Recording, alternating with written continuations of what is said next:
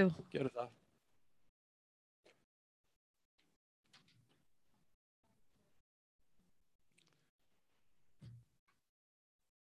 Góðan daginn og velkomin í miðvarpið. Sigurður Már Jónsson heiti ég og gestur minn í dag er Dennis Sján, lögfræðingur og viðskiptafræðingur. Eh, Hún er í frambóði fyrir miðflokkin hér í Reykjavík söður, situr þar í öðru sæti. Eh, Vertu velkomin Dennis. Já, takk fyrir. Eh, Gaman að fá þig hingað og hérna eh, eins og við höfum haft fyrir síð hérna þá hefur við kannski beðið fólk aðeins að segja smá deili á sér í upphafi svona, svona fólk geti kynnt sér aðeins til leiks ef ég mæ, mætti byggja aðeins að segja frá þínum bakgrunn. Já, um, Dannet heiti ég. Ég flutti til Íslands árið 2000 og þá var ég nýbúin að klára löffræði í Kína í Peking Háskóla og þegar ég flutti hingað þá var ég 21, að vera 22 ára þá og eins og var þá kynntist ég manninu mínum úti í Kína og kom svo bara hingað þegar ég var búin að klára úrskrifast úr löffræði og ég er búin að vera hérna í 20 ár núna. Ég get sagt ég er ekki lengur ný á Íslandi.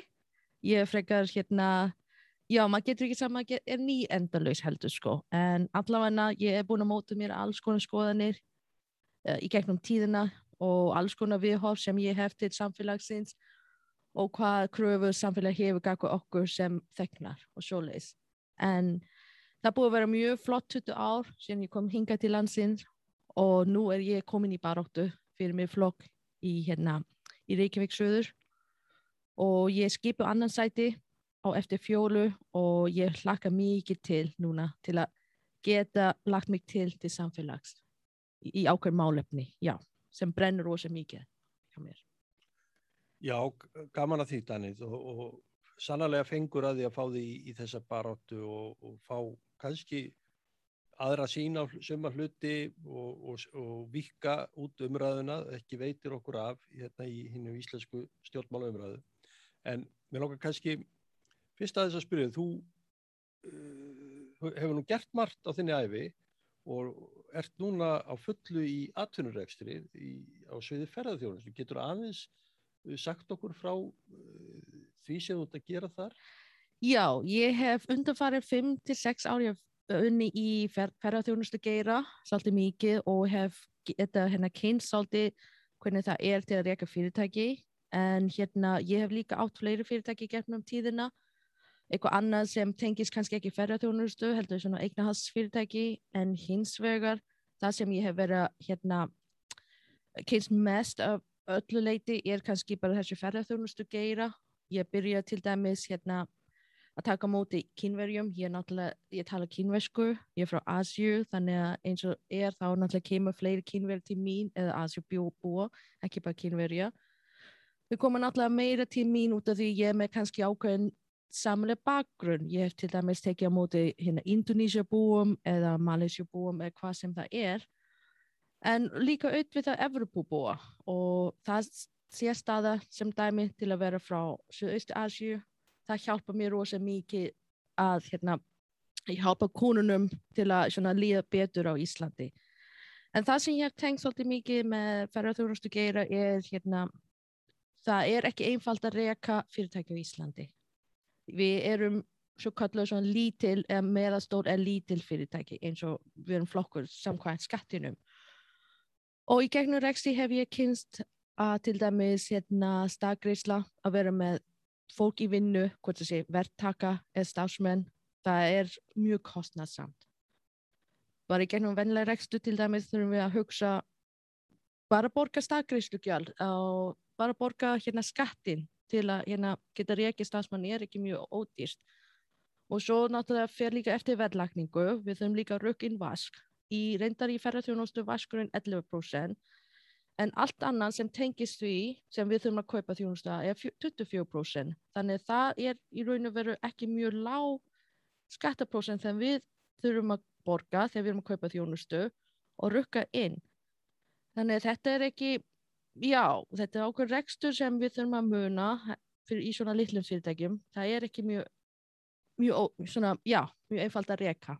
Bæði þegar ég er hérna, ráðstafsmann og líka þegar þú ert að kaupa inn þjónustu.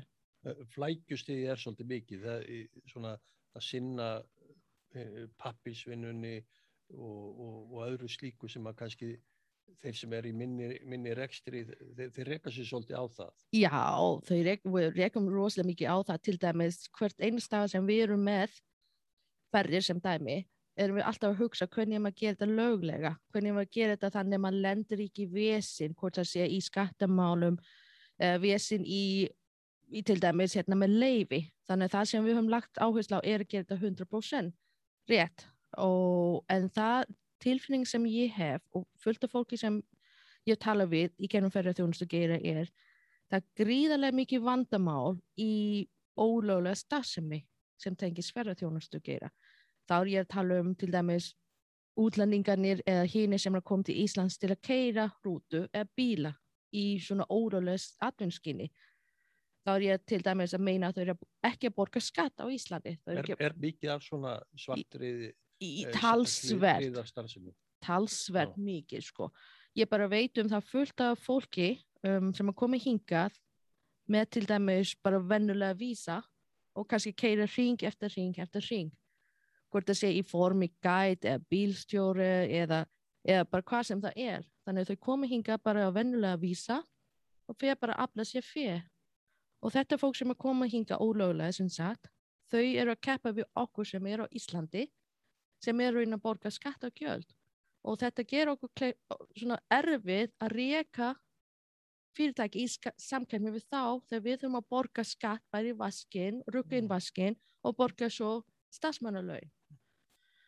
Þannig þetta er ekki alveg mjög fetjandi þegar hérna yfirvöld sem er til dæmis, sem hefur að gera með þetta til dæmis eru samgönguráðniti eða dómsmálaráðniti og félagsíföld, þau eru ekki að vinna saman í að tækla þetta ólega starfsemi. Svo hef ég séð líka fullt af rútum út á götu sem að keira líka ring eftir ring eftir ring og líka náttúrulega bílstjóra, með bílstjóra og jafnvel með gæt, allir ellendis frá og þá er ég að tala um allir í þessu kerfi, það er engin að borga neitt. Þá er náttúrulega hérna túrista líka útlendingar. Þannig þá spyr ég stundum, er einhver af þessu, rútan, uh, bílstjórin, gætin og túrista, er einhver að borga eitthvað á Íslandi? Erum við að fá eitthvað fyrir alla vegi sem við höfum verið að byggja? Mm. Er, og erum við að borga bara fyrir þessu þjónustu, þannig að fólk getur komið ring eftir ring og kannski borga ekki eins og til dæmis hérna gjöld í neinu ekki eins og í klósetgjöld ekki endilega og sem er koma bara kannski til dæmis með sín eigin mat jafnvel. Þannig að þessi samkjöfnstaða er aldrei erfið við svona, svona starfsemi. Algjörlega mm. sko mm. og það sem ég hef á tilfinningu er þegar við erum að reyna að gera þetta alveg lögulega og upp á yfirborði þá er hérna þessu hérna, yfirvöld sem ég er að tala um, til dæmis skatti yfirvöld eða félagsmála yfirvöld eða samkvæm yfirvöld, þau eru kannski ekki mjög samhæft í því vinnu til að taka út þessi ólöflega stafsemi. Þannig að það skorti bara skorti betri, betri stjórnsýslu og betra eftirlit. Já, betri eftirlit gaf á hinnum sem er ólöflega. Það þarf að beita í, í formi náttúrulega lögjöf og í formi náttúrulega mannafl til að taka þetta úr umferðinni en það sem þau gera reyndar er þau bara að tjekka þau sem eru nú þegar löglega. Á mín tilfinningu er þannig að eins og það er listi yfir fólki sem er ferðarþjónuskeira, við fara bara við listan og segja ok, þetta ég hafa þetta ég hafa, við þurfum að tjekka það. Er þetta fyrirtæki að borga gjöld og er að borga stafsumanna laun samkvæm þessi leifinningu sem þau eru með eða ekki. Þau eru bara að fara eftir listanum hjá sér eftirlitið fer bara fram gagvart þeim sem eru þegar skráðir eru kannski, eru þetta í löglegri starfsemi og meðan hinn hinn er alveg grátt og svart og sést ekki á pappir og það er ekki hægt að finna.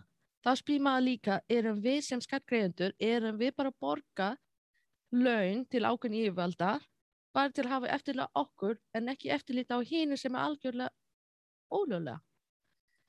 Þannig að þetta er gríðlega vandamál í ferðarþjónustu geira og hérna þetta er ekki kannski bara í bílstjóri rútu. Ég myndi segja í fullt af öðrum hlýðar, myndi ég halda hlýðagreina sem tengist uh, ferðarþjónustu líka. Já, Ég myndi segja það, þá er náttúrulega, já það er bara fullt sko starfsmanna, laun, hjálegu og svoleiðis líka er, er eitthvað sem við þurfum að skoða.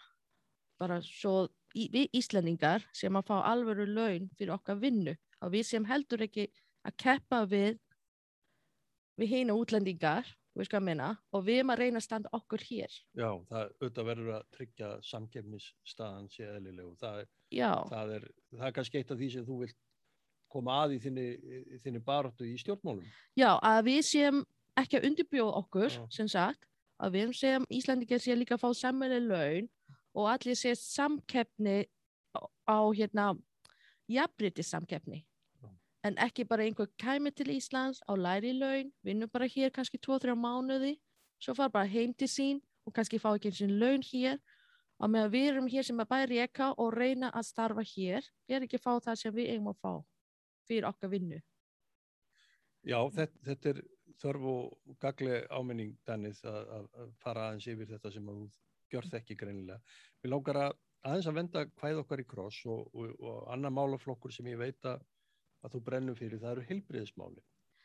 Og hvaða svona, þetta er náttúrulega málaflokkur sem er eh, einhvern veginn daldi mikið upp í loft alltaf og við eh, við vitum eiginlega við, við svona, í aðra röndinu höldum við séum með, með gott heilbriðiskerfi en svo sjáum við alveg ótal marga annmarka á því og misbrest svona dag, dagstaglega og umræðan er ekki ekki skemmtileg þessi missirun og við sjáum að það verið gerð mikil pólitísk mistök á mörgum sviðum en hvernig sér þú þetta svona, eins og ég veit að þú hefur kynntir þetta vel Já, já, ég, mér- finnst það mjög gott að búa í Íslandi. Íslandi er með mjög flotta heilbristþjónustu og allt þetta. Mér finnst það bara mjög jákvæð að geta verið hér og njóta þannig þjónustu en ég held að sé líka áhyggjuefni þegar sem við erum með Norrlanda velferðarkerfi, þegar við erum með eitt flottasta velferðarkerfi í heimi. Þá spyr ég í hverju fels þetta Norrlanda heilbrískerfi eða í hverju fels þetta besta velferðarkerfi í heimi þá er ég ekki alveg alveg á því að það sé virkilega eitt besta kerfi í heiminu ef þú skoða bara það sem að gerst nýlega með konu sem er að fara í leikhás krabbaminn hérna, skimum það er marga marga konu og það meðal ég líka við, ég þurfti að býða í nokkra mánu og svo marga konu sem ég þekki sjálf til það þurfa að býða lengi og kannski búin að fá alls konar búin að fara í gegnum alls konar breytinga fyrr og vi- vita alveg það gæti verið slæm núna en þau hafa kannski ekki einu svona tök að fá að vita fyrr hvort þau sé virkilega uh, hvernig myndi ég segja búin að, hérna, búin að vesna ekki sko, þannig að þær að býða í kannski mjög langa óvissu, jafnvel upp í fjóra-fimm mánuði án þess að vita hvort þau sé í lagi ekki. Og mér finnst það beinlega ekki mjög ásættanlegt. Mér finnst það það á ekki að þurfa að býja svo lengi ef við værim virkilega með þessu hérna velferðarkerfi sem við erum búin að auðlýsa út á við til útlendinga eða til heimsins að við séum með besta.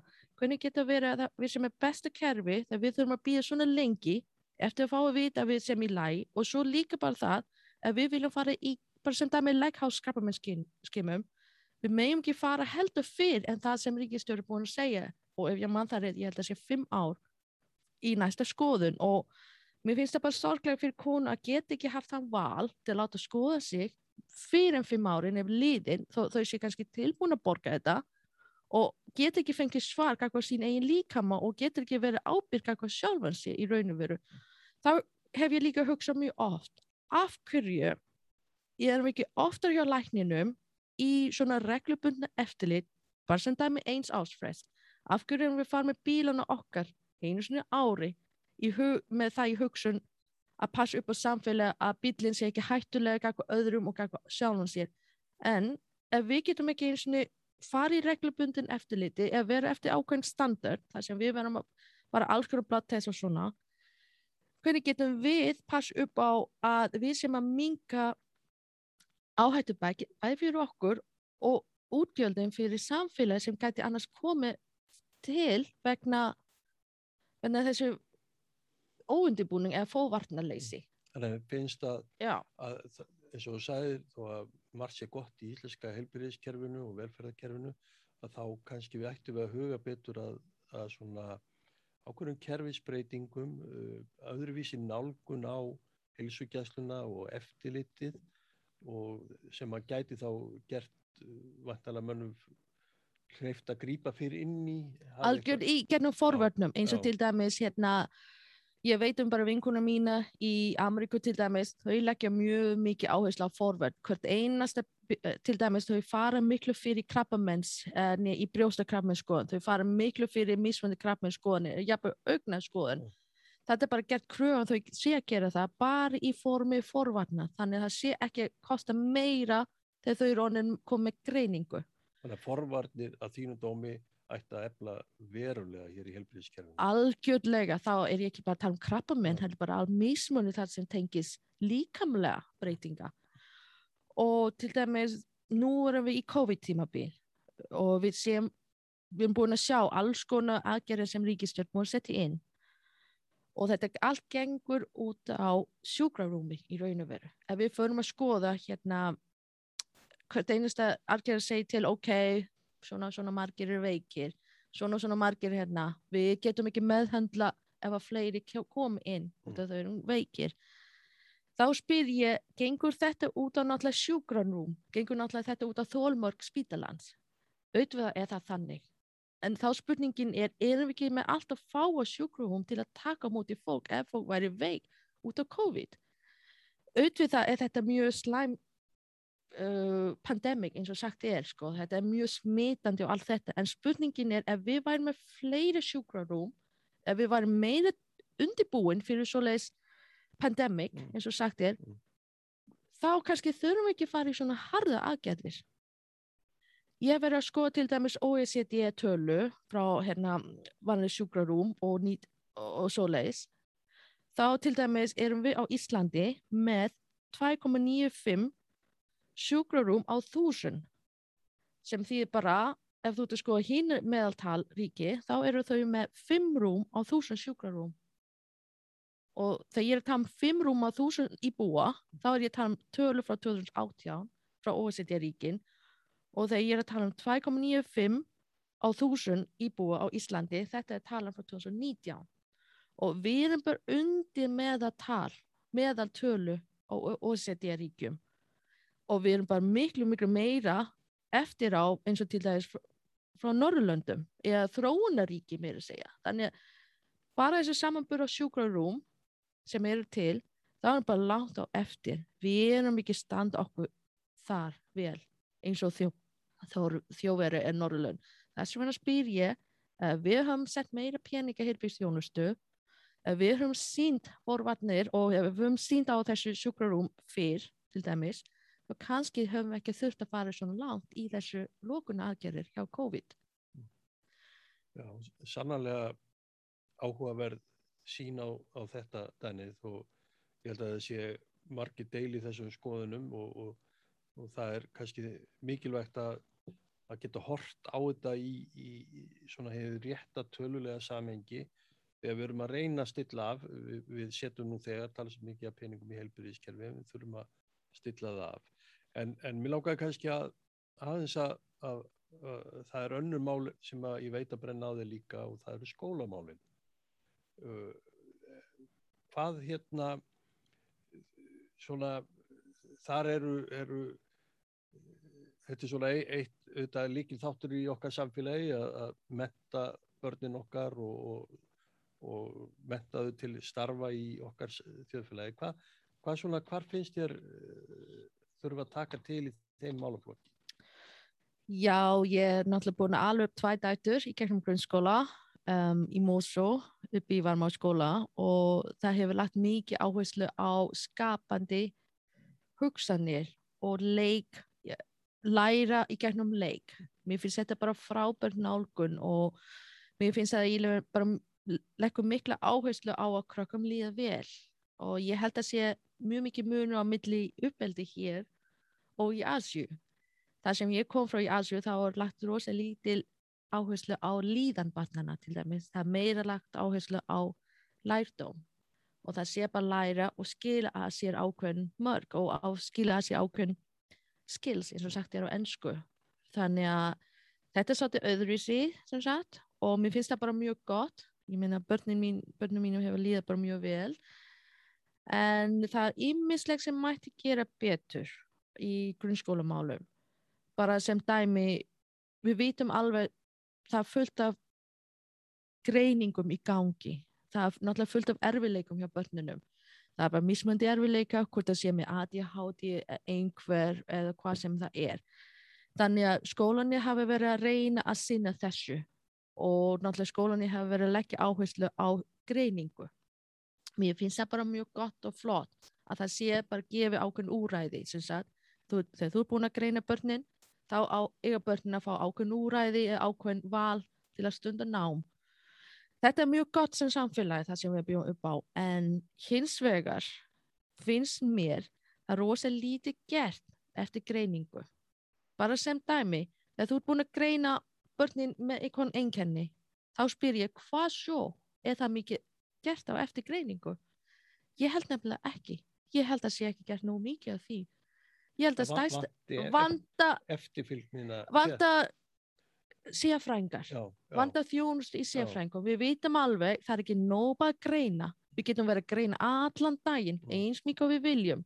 Við getum komið með alls konar útgáfa öllum. En það er engin tilgang að greina ef við getum ekki tekið svo á að veita þann þjónustu, að veita þann uh, einstakling það sem þarf þannig að það vandar greiðlega fjármögnum í því náttúrulega og við, við skoðum bara líka sko uh, sérfrængar eru sem tengi skólunum er mm. til dæmis bara það sem við erum að tala nýjast að nýtt sko, það vandar um, ákveðin þjónustu, það er bara engin peningur í því mm. Og einstaklingur sem er í sérfrængur starfi, hann fær ekki leiði út af því það er ekki búin að afgriða ákveð hlut. En það með krakni get ekki fengið þann þjónustu. Þannig að þetta er náttúrulega ekki bóðandi heldur sko. Mm. þannig að það sem það var að gera náttúrulega það, það að fara mjög mikið eftir það er búin að fara í greiningu og fara í að veita þjónustu. Mm. þannig að það vandar gríðilega mikið í það. Þannig að þessi svona stöðningur þú náttúrulega, við erum að horfa á skólakerfið það, sem er þá líka stöðningu við barnafólk. Algjörlega. Sem er, er sem á erfileikun já, sem er svolítið hinn peningurinn hliðin á peningum í skólakerfinu það, já, er, það er að stiðja við barnafólki já og vanda fjármögnin náttúrulega í því. Mm. bara til að geta staðið við þann sko. og náttúrulega það er skólanir án aðgreininga sem við erum alltaf að tala um í dag en það er bara fullt á eftir sem er sem þarf að laga í því til, til efnir mm. Annar málaflokkur sem að veit að, að þið, þú myndir vilja er, hefur lagt áherslu á e, e, þessi málefni barnafólks finnst þér eins og við séum er, er það lögjöfin sem að skorti þar eða framkvæmdinn Ég myndi segja þetta sé náttúrulega framkvæmdinn en Já. náttúrulega framkvæmdinn það var fylgir upphæðir. Já. Það því ekki verið að bara búið til nýja lögjöf, fjármögnar í þess sinna því Já. eftir greiningu og stundum er fólk, er krakka bara að býja mjög lengi líka eftir, eftir greiningu og svo það er búin að greina, það líka þá að býja eftir þjónustu, þannig að þessi býði bara mjög langu tími fyrir krakka sem gæti þurft á að fá hjálpa að halda til að geta sinn námi til að geta sín skilduna sína oh. að geta lægt í grunnskólanum þannig að mér finnst að það var skoða betur í ljósti þess hvernig við erum að gera þetta til að hjálpa krökkum til að sína betur skólan mm. skólaskilduna sína Já, já, það er hérna orðasannu eh, Mér lákar líka annað sem að ég veit að þú hefur líka mikið náhuga á, það er málefni eldri eldri borgara eh, sem er svona málaflokku sem að við segjum stundum að kannski rétt fyrir kostningar þá, þá vilja stjórnmálum fara að tala um þetta. Uh, eldri borgar er auðvitað stór hópur mismunandi þarfir og við erum nú öll að vonast til þess að fylla þennan hóp með tíð og tíma. Hvað er það sem við uh, getum gert betur þar og hvernig hefur við nálgast úrlaust mála þar? Já, með eldri borgarmál allavega það sem ég óðst upp ég er náttúrulega já, ég er frá Asju og það kemur eldri borgarmál, krakka eiga sjá um foreldra og svoleiðis og vera að hjálpa þeim svolítið í lok æfinu og mér finnst það bara flott á Íslandi að við búum í þann samfélag þar sem allir hugsa mjög, allan að reyna að bæta úr þessu málaflokk fyrir eldri borgara. En það sem ég verið að taka eftir er það rosa margir eldri borgara þegar þau eru hægt að vinna í, í sín eigin starfi og svoleiðis.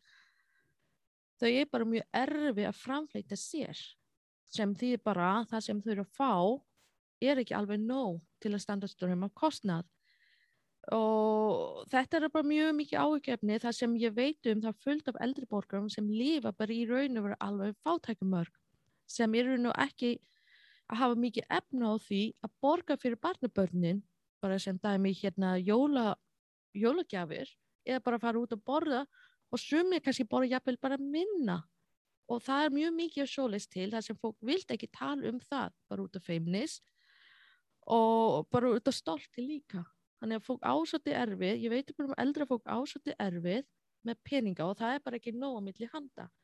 Þá hef ég ofta verið að hugsa hvað eigum við að gera sem samfélag til þess að þau eiga meira á milli handa? Auðvitað það ef að leifa þeim að vinna. Auðvitað eigum að leifa þeim að lifa sæ, sæmulega líf ef þú getur, ef þú getur unni sérstæðlega. Ég veit líka að það fullt af full á hérna, eldri fólk sem er mjög heilbrið, þótt að sé kannski 67, 72 eða jafnveg 75. Þú getur unnið líka bara með ánægu sem, sem mein, ég er að meina að þau getur líka unnið þannig að þau hitta fleira líka sem því bara þau verður ekki eins mikið hérna depressed náttúrulega mm. þau fá tækifæri til hitta annað fólk og svo líka laga sín eigin fjálmál líka í leiðinni þannig að ef, þau, ef við erum að leifa þeim að laga sín eigin fjálmál í leiðinni og andlega eru þau ánæri þá náttúrulega verður betri fyrir okkur sem samfélag. Þá þurfum við kannski ekki sinna því kannski að fólk verður veik eða eitthvað út af þú veist hvað ég meina. Þannig að ég held að við ættum bara að leifa þeim að vinna ef þau vilja og náttúrulega það er líka ósangjart að taka af þeim lífeyri bara út af því þau eru að vinna. Ég veit það bara árið 2013, Bjarni Benn skrifaði bara ofinbrér til eldriborgara þar sem hann lofaði því að laga kjöru eldriborgara. Á spyr ég, hefur það lagast eitthvað frá 2013? Nú er árið 2020. Ég held að hefur lagast ekki neitt ég held að eldri borgar þurfa að jafnvel að borga jafn mikið og var og þau þurfa líka að fá skerningu ef þau eru að vinna sérslega með tekjutengt sem ég segja bara ok tekjutengt er þannig að allir fá að jöfnun sem við erum að tala um sko en samsega það er rosa margir eldri borgar að líka búið með fátæk það er ekki allir eldri borgar skuldlaus sem dæmi, það er ekki allir eldri borgar sem hafa gott. Þá er spurning, eigum við ekki bara að leifa þeim að vinna? Bara svo bara sem samfélag líka. Þetta er bara okkar skildu að sinna eldri bókur að leifa þeim að líka betur í lókæfinni og leifa þeim líka að hafa meira á milli handa og leifa þeim kannski eins og við segjum að bjarga sér líka þá hugsaum við, er eitthvað samgjörn í því að við að ríkið sá, er að taka af þeim fjármögstekjurskatt sem dæmi bara út af þau eiga þessa peninga sem þau eru búin að sapna En þá er ég að tala um fjármækstekjurskatt sem er kannski um 22%. Það er rosa há talan. Og eigum við að taka bara hjá þeim og, og líka unga fólk, fullt af unga fólki sem er ekki komið húsnæði, sem dæmi, við, við fyrir að tala um húsnæðismál á Íslandi, fastegnaverð er alltaf að hækka í gegnum árin og fólki, þessi unga fólki sem er kannski undir 30, að reyna að sapna sér eigi fyrir þau eru bara að samla hvert einasta krón og borga svo fjármastekju skatt sem er 22%. Ég meina, hvað er kvartning fyrir fólk til að spara, spyr ég. Og er það réttlæti líka? Við viljum alltaf fólk eignast húsnæði, það var mjög gott mál, en eru, erum við að hjálpa þeim eignast húsnæði? Erum við að hvetja þau á réttri leið með sparta? Þegar þú ert að taka af þeim 22%. Þannig þetta er svona, þetta er eitthvað sem við sem samfélag eigum að hugsa svolítið sko hvernig eigum að gera hluti þannig að við hjálpum líka fólki það sé ekki bara segja, segja hjálpa en samt í raun og ekki hjálpa við förum að tala á þann um grunnskólamál og ég hef oft hugsað á Íslandi eru tíu ár grunnskóla skildu sem því bara þú byrjar frá sjötta bekk, sex ára bekk uppi til tíunda bekk. Ég hef oft hugsað ok, það er tíu ár skildu hérna skóla árin tíu ár. Við höfum ekki skila miklu í gegnum písakönnun við erum búið að gera alls konar písakönnun og leskilning er ekki nóg góð og ymsu aðra þætti er ekki nóg góð heldur sko. Þá spyr ég, er þessi tíu ár, erum við að skila nóg með þessu tíu ár? Hvað erum við að gera til þess að krakka ef við sem samfélag að skila einn samkefnishæfari krakka til framtíðar? Þegar ég tala um samkefnishæfari krakka þá er ég ekki tala um bara samkefniskrakka innanlands, heldur bara krakka bara á aldrei á vettfang út af því unga fólki, unga fólki geti staðið sér á, á einum alþjóðlega vettfangi. Algjörlega, algjörlega. Já. Og þá er ég að spyrja, sko, erum við að skilja það gæði sem við eigum að skilja inn til krakkana? Þessi getu eða þessi skil sem við erum að tala um, eða tæki og tól. Ég held að það sé svolítið mikið eftir sem við þurfum að gera til að laga það, til þess að við sem samkynnshæfra bara allan að sanga písaskoðinu og fleiri skoðinu sem er í gangi. Ég hef oft hugsað er tíu ár alveg nöysileg eigum við að bæta frekar taka út eitt ár og fækka bara ný ár? Hvað við getum frekar styrkja það og komið meiri gæði bara með því að hafa þetta bara ný ár? Erum við virkið að skila gæði að við hafa tíu ár? Ég er ekki viss. Ég held að við gætum þess að nota fjármögnin okkar betur með því að spara eitt ár og nota það frekar í auka við gæði. En þá er ég að tala um með því að spara eitt ár þá getum við auka gæði í grunnskólamálum náttúrulega og fleiri málum líka sem við erum að standa að. Og við gætum flutt fjármagnir til. Algjörlega uh, og, og gera betur með þetta já, sparnar. Já, já. Að vera lengur því ekki þú ert að skila betur út af því eða þú ert að gera eh, koma meiri gæði. Mm. E, já, þetta, þetta er áhugaverð nálgun og, og þú eins og þú hefur verið að lýsa hérna sér svona ímistækifæri til ákveðna kerfisbreytinga og á, á íslensku skólakerfi og heilbyrðiskerfi. E, það væri gaman, e, þú ert, e, þú ert komin í, í stjórnmáli núna og hérna hefur nú verið svona verið hérna ert, og þú sagði mér nú hérna þegar við vorum að koma hér inn að, að, að þú væri mjög pólitísk í þér og ég finn það. Eitt mál til dæmi sem er, er stundu svolítið viðkvæmt í einu pólitísku um, umræðu, það er landamæra eftir hvað hva, hva sérðu þar? Já, við náttúrulega Íslandi aðlaf Schengen samningnum og Íslandi líka aðlaf Dublin samningnum. Og ég, það er bara mín skoðum bara með því að vera aðlaf af þessu samningum eða samkómulag getum við í raunu verið hluti af stærri alþjóðleg umhverfi. Og og bara sem dæmi við höfum verið að fá fleira umsóknir með hælisleitendu en, en hínu Norrlönd eins og staðan er og það er fleiri fjármögnin eða peningahatt sem hafa farið bara í, í umsóknarfelli og ég tel þetta ekki til góðs. Ég held að sé mikið að ef við þurfum að eigða svo mikið peningum í að þurfa að sinna þessu umsóknir hælisleitenda. Mér finnst til dæmis löndin í Norrlön er að fækka við umsóknir. Dani er normi hvað sem er en við sem land, sem eiga er þvert á móti að fá fleiri umsóknir með hælisleitundu ég held að sé ekki alveg nóg gott sko þegar við erum að feysa þetta sem lítið land og sem eiga við sem að fá fleiri umsóknir mér finnst það minn skoðun að við ættum í raun og veru að geta beitt okkur söngin samning eftir þörfum. Og við eigum bara að skoða sengilsamning og, og hugsa líka hvernig við erum að gera þetta, hvernig við erum að nýta sengilsamning þannig að við getum beitt okkur meira á að landamæri eftirliti og nota það samkonva sem við erum komin til með.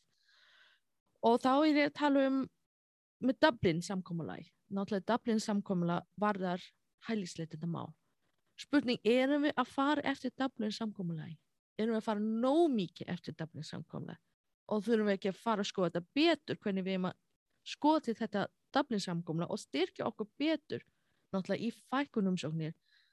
Það er grillega kostna fyrir okkur sem samfélag að þurfa að eigða svona mikið peningum í bara í að afgriða umsóknir.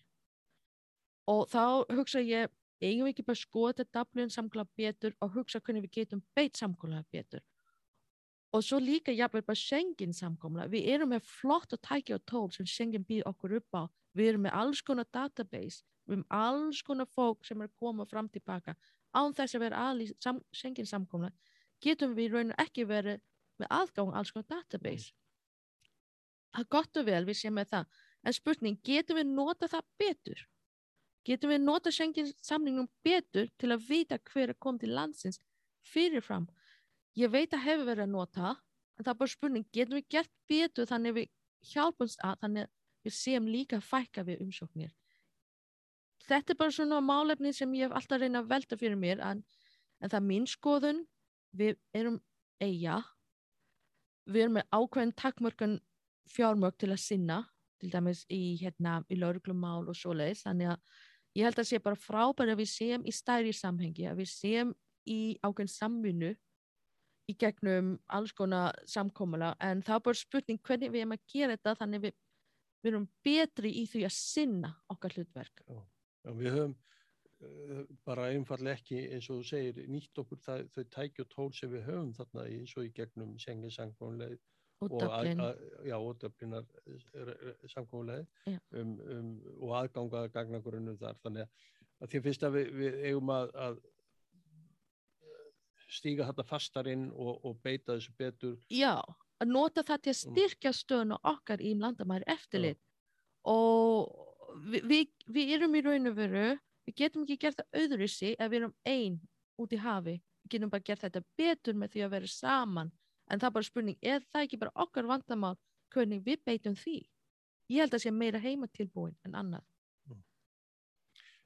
heimatilbúið vandamál, það er kannski orða sann og hérna, kannski ágætt loka orð líka. Dennið, eh, ég, það var gaman að fara yfir þessi mál með þér og eins og ég sagði áðan, eh, þú ert mjög pólitísk þekkjandi, hefur áhuga á, á landsmálunum og, og það er mikil fengur að fá þig inn í, inn í þetta starf. Og ég þakka þið bara mikið vel fyrir komin að hinga í dag. Takk fyrir að hafa mig. Og miðvarpinu er þá lokið að sinni. Takk fyrir. Takk.